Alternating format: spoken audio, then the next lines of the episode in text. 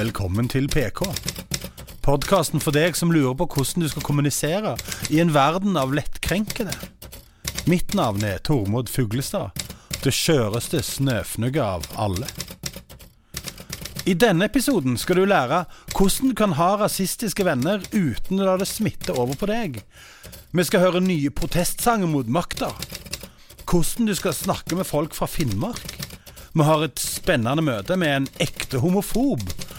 Og vi skal se på myten Bros before hoes.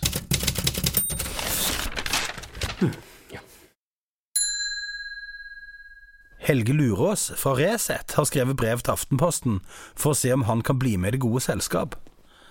Han framholder at han sjøl ikke hetser noen, og lurer på om det er mulig å være med i offentligheten, selv om mange av vennene hans uttrykker hat mot muslimer og argumenterer med skjellsord og trusler. Vi i PK skjønner godt Helge Lurås, og syns han trenger litt oppmuntring. Det går fint, Helge. Det er ikke vanskelig å ha rasistiske venner og fremdeles framstå som saklig og tillitsverdig. Vi har kalt inn en av våre beste folk, som stadig står i en storm av beskyldninger om rasistiske venner, fascistiske venner, korrumperte og amoralske venner. Og hvilket råd har du til Helge? Hva er det du pleier å si når noen av dine venner har kommet med rasistisk hets, og du ikke helt klarer å forsvare dem? Jeg tror at jeg ville ordlagt meg annerledes. Eller når vennene dine antyder at flyktninger burde blitt overlatt til seg sjøl i Middelhavet? Jeg ville ikke ha brukt akkurat de ordene. Eller snakke om den muslimske planen for verdensherredømme og invasjon av Vesten, og på den måten forsterke fiendebildet mellom såkalte kristne og muslimer? Jeg ville ikke ha brukt akkurat de ordene. Helges problem er vel mest at han er redaktør, og dermed står ansvarlig for alt Resett gjør, mens du er leder av en demokratisk samling av politikere. Jeg ville ikke ha brukt de ordene. Nei, du tenker at det ikke er demokratisk valgt når du ansetter lobbyister rett inn for First House? Jeg ville ikke ha brukt akkurat de ordene. Er det noen ting som har skapt problemer med den metoden? Har du blitt holdt ansvarlig for noen ting som helst? For eksempel i å forverre forholdet til naboen når du ruster opp på grensen? Jeg ville nok ha ordlagt meg litt annerledes. Ville du sagt at det er noen som helst begrensning i å frasi seg meninger? Kan du egentlig bare gi faen i å mene noe som helst? Jeg ville nok ikke ha sagt det akkurat sånn. Skjønner du, Helge? Det er lett å bli PK. Du må bare ikke stå for det noen av vennene dine sier. Kjør på med Resett, bare la alle hetse i vei, og smør deg med den samme PK-oljen som vår venn her. Plutselig en dag, Helge, så er det du som er i USA og suger pikk, og du får verdens jævligste menneske til å skryte av deg på TV. Eller hva sier du? Jeg tror jeg ville sagt på en annen måte. Og nå PK-konkurranse. I gammel Arbeiderparti-ånd slår vi nå et slag for å gi makthaverne inn med sang. Vi har laget de tre første versene, og den av lytterne som kan lage flere, må sende de til oss på Face, så skal vi få spilt inn de beste av de og kjøre de på scenen live på sesongavslutningen. Hør og bli inspirert. Makta skal bekjempes. Solidaritet for alltid. Kjøtt-Pedersen skal druknes i en pøl med tjæresand og legges ned på olje vi har henta opp fra land.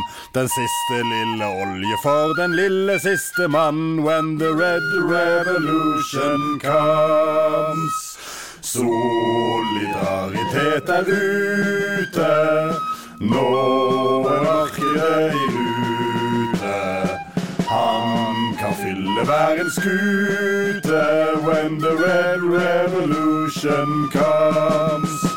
Vi skal ringe Kristin Halvorsen hver gang vi skal ha krig. Hun svarer ja så lenge Kristin har for dårlig tid. En telefon til Kristin, og så går vi over lik when the red revolution comes. Solidaritet er ute. Krigen i rute.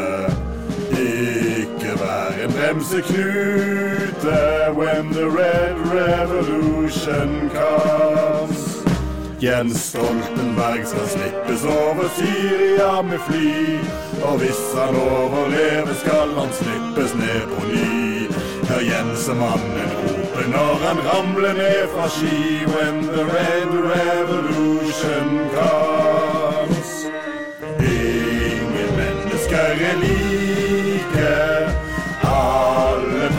frem og vike. Ikke alle kan bli like when the red revolution comes.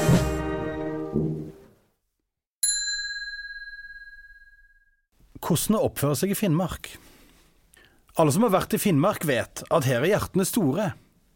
Og munnen er lukka til du enten har vært sammen lenge nok, eller blitt full nok til at munnlæret løsner. Som i resten av Norge vi trenger å kjenne folk før vi er enige med dem, så samvær eller sprit må til, unntatt i Oslo, der er det konsert og IPA, men ellers er det ganske likt. Men har du først fått en finnmarking på din side, så er de enige i alt du sier, så lenge det ikke hindrer de i samvær eller sprit, akkurat som resten av Norge. Unntatt i Oslo, der er de uenige med alle som ikke er fra Oslo, unntatt de som er fra Bærum. Så, men, hvordan skal du oppføre deg i Finnmark? Det er ganske enkelt. Gå på besøk, ha med sprit, sitt ned, og hold kjeft til du blir bedt om å snakke, vær høflig. Hvordan skal du ikke oppføre deg i Finnmark?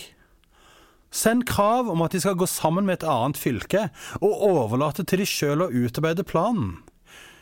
Ikke hør på det de sier. Si at de ikke skulle ha noe de skulle ha sagt uansett, for dette har Stortinget bestemt, og da blir det bare sånn. Ikke besøk, ikke sprit og ikke noe venting. Skulle du sagt noe til Monica Mæland, så kunne det vært noe som Kjære Monica Mæland. Det går jo ikke så bra med dialogen mellom deg og Finnmark. Eller det er jo egentlig ikke en dialog når du bare sender beskjeder og tenker at det skal gå greit, selv om det her med sammenslåinger ikke er en sak vi i Finnmark ønsker. Som du husker eller ikke, så holdt vi jo en folkeavstemning her, og vi er helt enige her oppe. Vi vil være Finnmark. Så det er sånn det blir. Og til neste gang du kommer for å snakke med oss, så håper du kan gjøre som folk flest, og det er å banke på døra, du tørker av deg på føttene, og så setter du deg der du får beskjed om, og høre hva du kan gjøre for oss. Vi i nord har for lenge siden fått nok av å bli styrt fra Oslo av byråkrater og politikere som aldri har tid til å sette seg inn i saken før de bestemmer. Og da legger faen meg ned sykehusflyene våre uten å spørre først om det er noe vi kanskje trenger. Dere slakter ned reinflokken vår uten å høre om hva vi egentlig syns. Vi har bodd her i tusenvis av år, Monica. I tusenvis av år har vi faen meg klort oss fast i mosen, vassa ut og henta fisk, seilt til helvete og tilbake for å handle med Gud og jævla. Vi er greie, Monica, men nok er nok. Nå er det faen meg nok. Er du så fette dum at du tror at demokratiet handler om å sitte i Oslo sammen med lobbyklubben din og bestemme hvordan vi skal leve? Hva med å representere oss, Monica? Når tenker du å ta turen hit og hjelpe oss med noe? Du kan ta det sammenslåingsvedtaket ditt og stappe det jævla langt opp i den tørre fitta di, så du kjenner smaken av papir i halsen. Vi har faen ikke brukt tusenvis av år på å bygge et samfunn for at ei pinglete moderniseringsminister som ikke klarer å ta en jævla telefon og høre hva et helt fylke egentlig vil, skal viske ut hele fylkesstrukturen vår. Men det ville ikke vært politisk korrekt å si. Det politisk korrekte er å si vi har avholdt en folkeavstemning om å forholde oss til den, og vi ser ikke noen egentlige fordeler med å slå sammen Finnmark med andre fylker. Hadde du bare tatt en tur opp før prosessen, bankt på døra, tørka av seg på beina og snakket med de, drukket sprit til langt på natt og klint med noe med nachspiel, det er sånn du oppfører deg i Finnmark, og i resten av Norge. Unntatt i Oslo, da, men det er ikke så langt unna de heller. Sveits har forbudt homofobi, og setter det nå på lik linje med rasisme. PK vil her gjerne sette en distinksjon mellom homofobi, altså ubehag og ukomfort når man er sammen med homofile, og homohat, som er noe helt annet. For å klargjøre begrepet homofobi har vi møtt Jonas. Han er homofob, men har ingenting imot homofile, skjønner du? Hør på dette.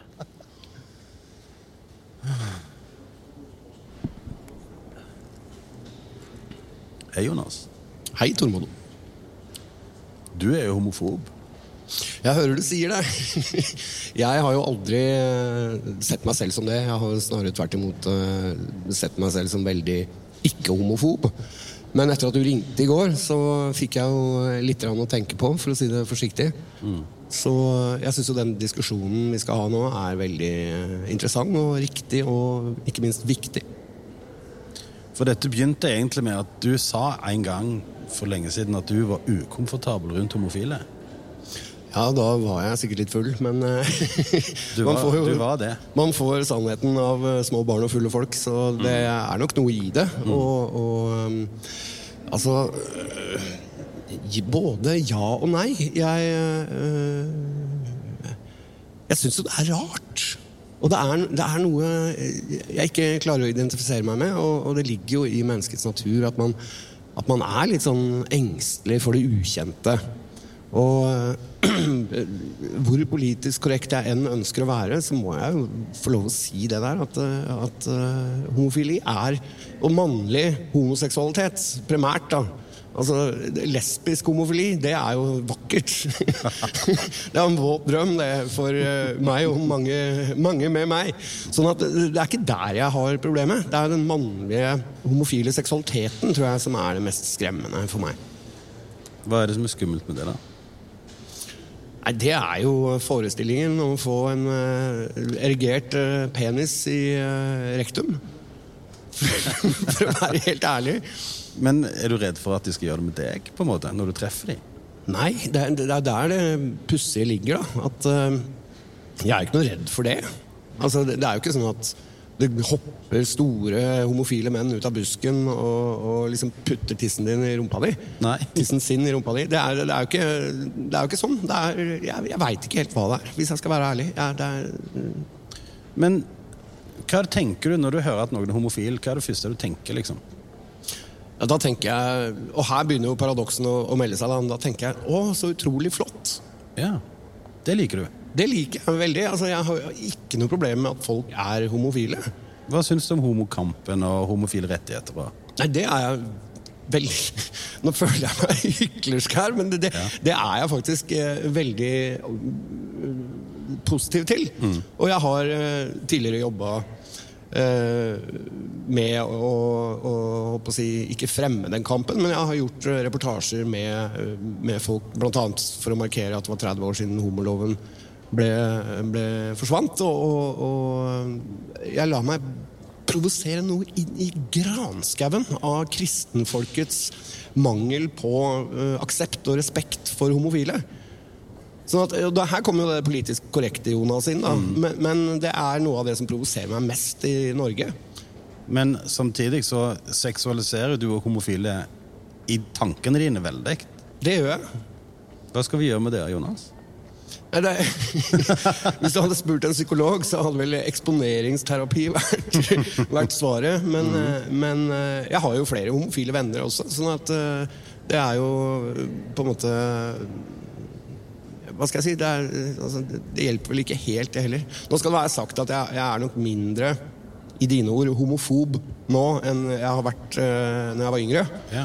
Men, eh, men det, er- når du ringte i går eh, og, og minte meg på at jeg hadde sagt dette her en eh, fuktig kveld på byen, så, så eh, kjente jeg jo på det. Og, og, og jeg fikk jo en aha-opplevelse på at det, stemmer jo egentlig. Jeg har jo en sånn um, aversjon.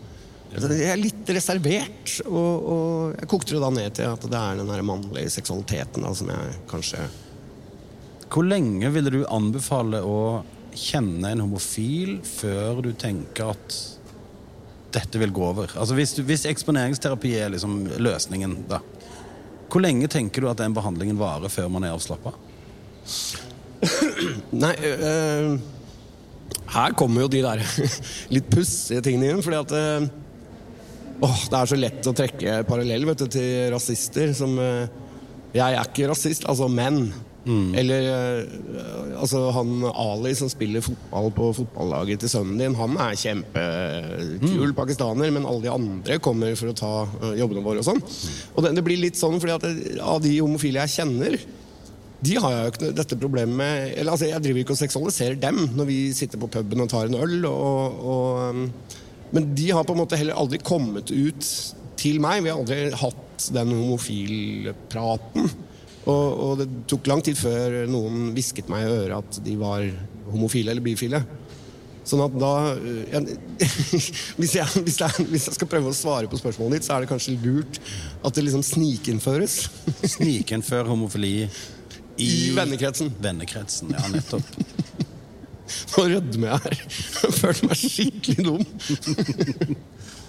Sånn at eh, for alle de homofobe der ute Prøv å få deg homofile venner uten å vite om det selv. Ja, og, og på motsatt side, så ikke dra på London pub. Nei, For det opplevde jeg her for et par år siden. det blir litt mye. Ja, altså, øh, men det ble det motsatt igjen. For der følte jeg meg ikke velkommen. Der følte jeg at de syntes at jeg var teit som dro dit fordi jeg ikke var homofil. Så det kan, så kan hende at kanskje det mer er en form for sosial Eller redsel for å ikke passe inn sosialt. Jeg tror det kan være din angst, for jeg har vært på London flere ganger, og jeg har aldri følt det. Ja, nei, da, Men jeg vet ikke om det sorterer inn under homofobi, da. Det er vel noe med Hvis du forventer når du kommer inn i et lokal at folk er rare og veldig seksualiserte, så vil du kanskje oppleves som en litt fordomsfull fyr. Ja, men hvis jeg skal få tenke høyt, så, så må jeg si at uh, London pub er jo et uh, sjekkemarked helt ut av det sjeldne. Og mens jeg er inne på den tanken, en digresjon En av de tingene som jeg syns er skikkelig trist med homofili, det er den saunakulturen. Ja. Hvor en uh, Altså, jeg tror Og her er det, dette er noe jeg har tenkt en del over tidligere, men det er noe sånn rått i den seksualiteten som utøves i disse saunamiljøene. Uh, og uh, med sånn glory hole, hvor du stikker tissen inn i et hull i veggen, og så står det en eller annen på andre siden og, og for uh, ja. Ja. Og betjener. Og betjener. Og, og en masse uh, ellevill eh, sex, noe jeg for så vidt er ja, tilhenger av, men eh, da mer på den heterofile skalaen. Eh, men uh, jeg syns, og dette har jeg snakket med flere homofile menn om, og det er de som har fortalt meg om hva som skjer på disse saunaene. Eh, og, og det virker som at det er noe sånn desperasjon i det. At det egentlig bare er ute etter sann kjærlighet, men at det er vanskelig å finne det som homofil. Ja. Og at eh, det da blir et klima, en slags kultur, for en sånn her veldig utrert uh, seksualitet.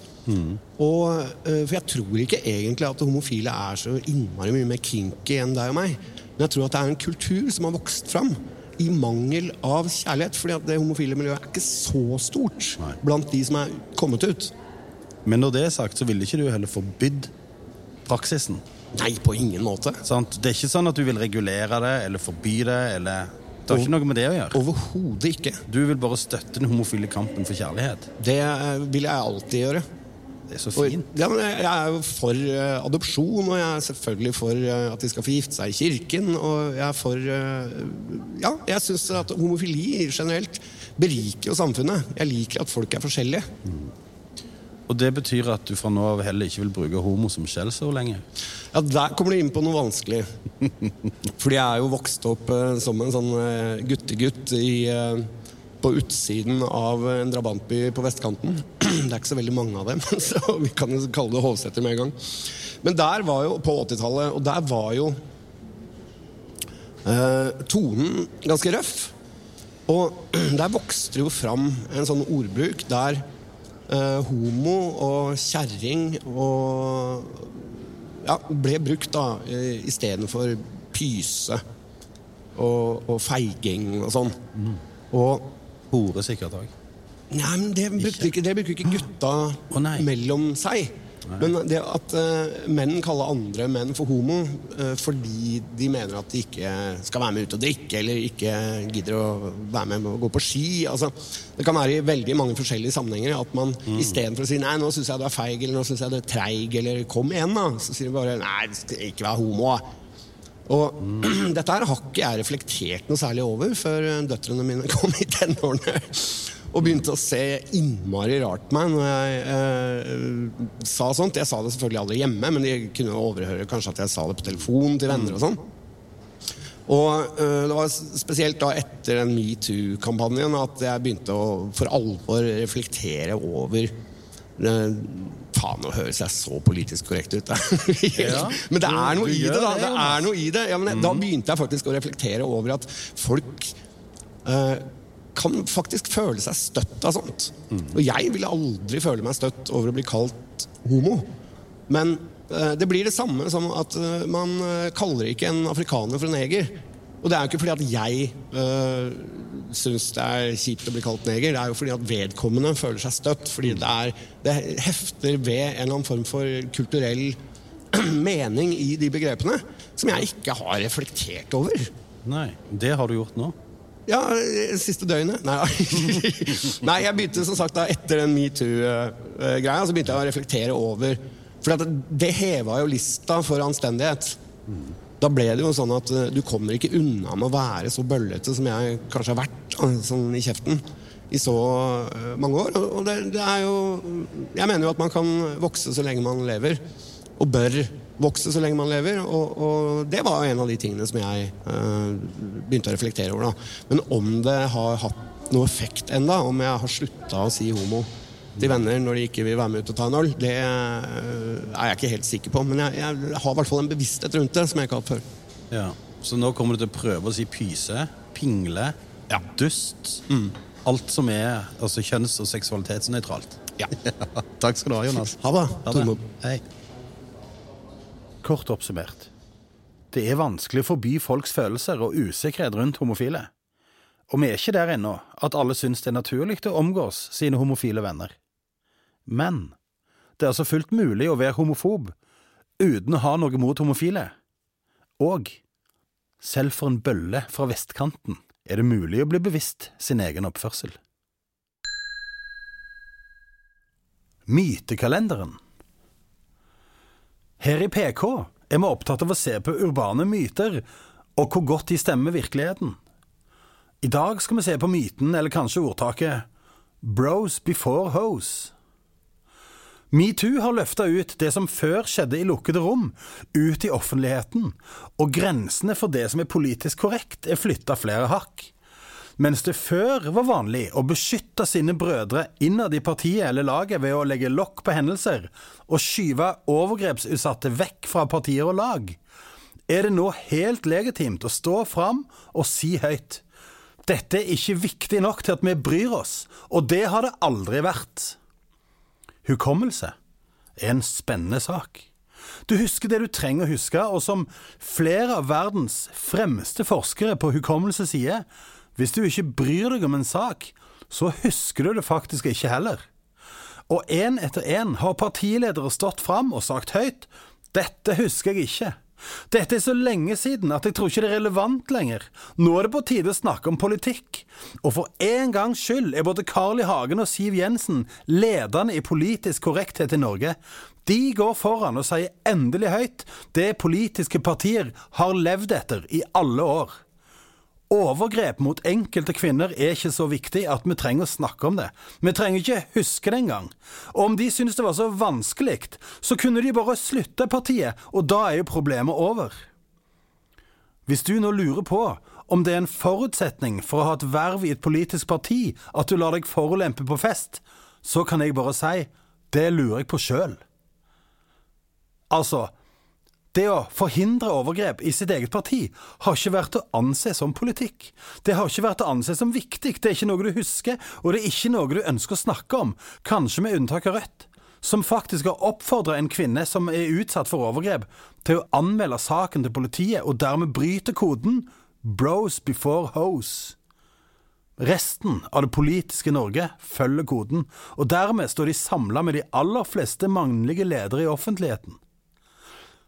Så mens noen trodde at metoo ville føre til at strukturene ville endres, og at kvinner ville stå tryggere når de ble antasta, voldtatt eller utnytta, har så godt som et samla politisk Norge stått støtt på ordtaket Bros before hoes. Så trygt er det at norske skuespillere kan stå på filmsett og skryte av hvilke numre på metoo-listen som er deres egne. Så trygt er det at kjente voldtektsmenn, eller det spørs hvordan du definerer voldtekt, får jobbe som de øverste tillitsmenn i landet, sammen med de som har beskytta de i alle år. Så trygt er det at du får bruke landets største kommersielle TV-kanal for å utføre overgrep på direkten. Til og med et overgrep som er varsla flere dager på forhånd, som reklame for det programmet overgrepet skal foregå på. En dag kommer, når det ikke er legitimt med seksuelle overgrep mot kvinner. Men det er faen meg lang vei å gå. Bros before hoes, gutter. Med dette takker PK for seg, og eh, Tormod Fuglestad går hjem og legger seg.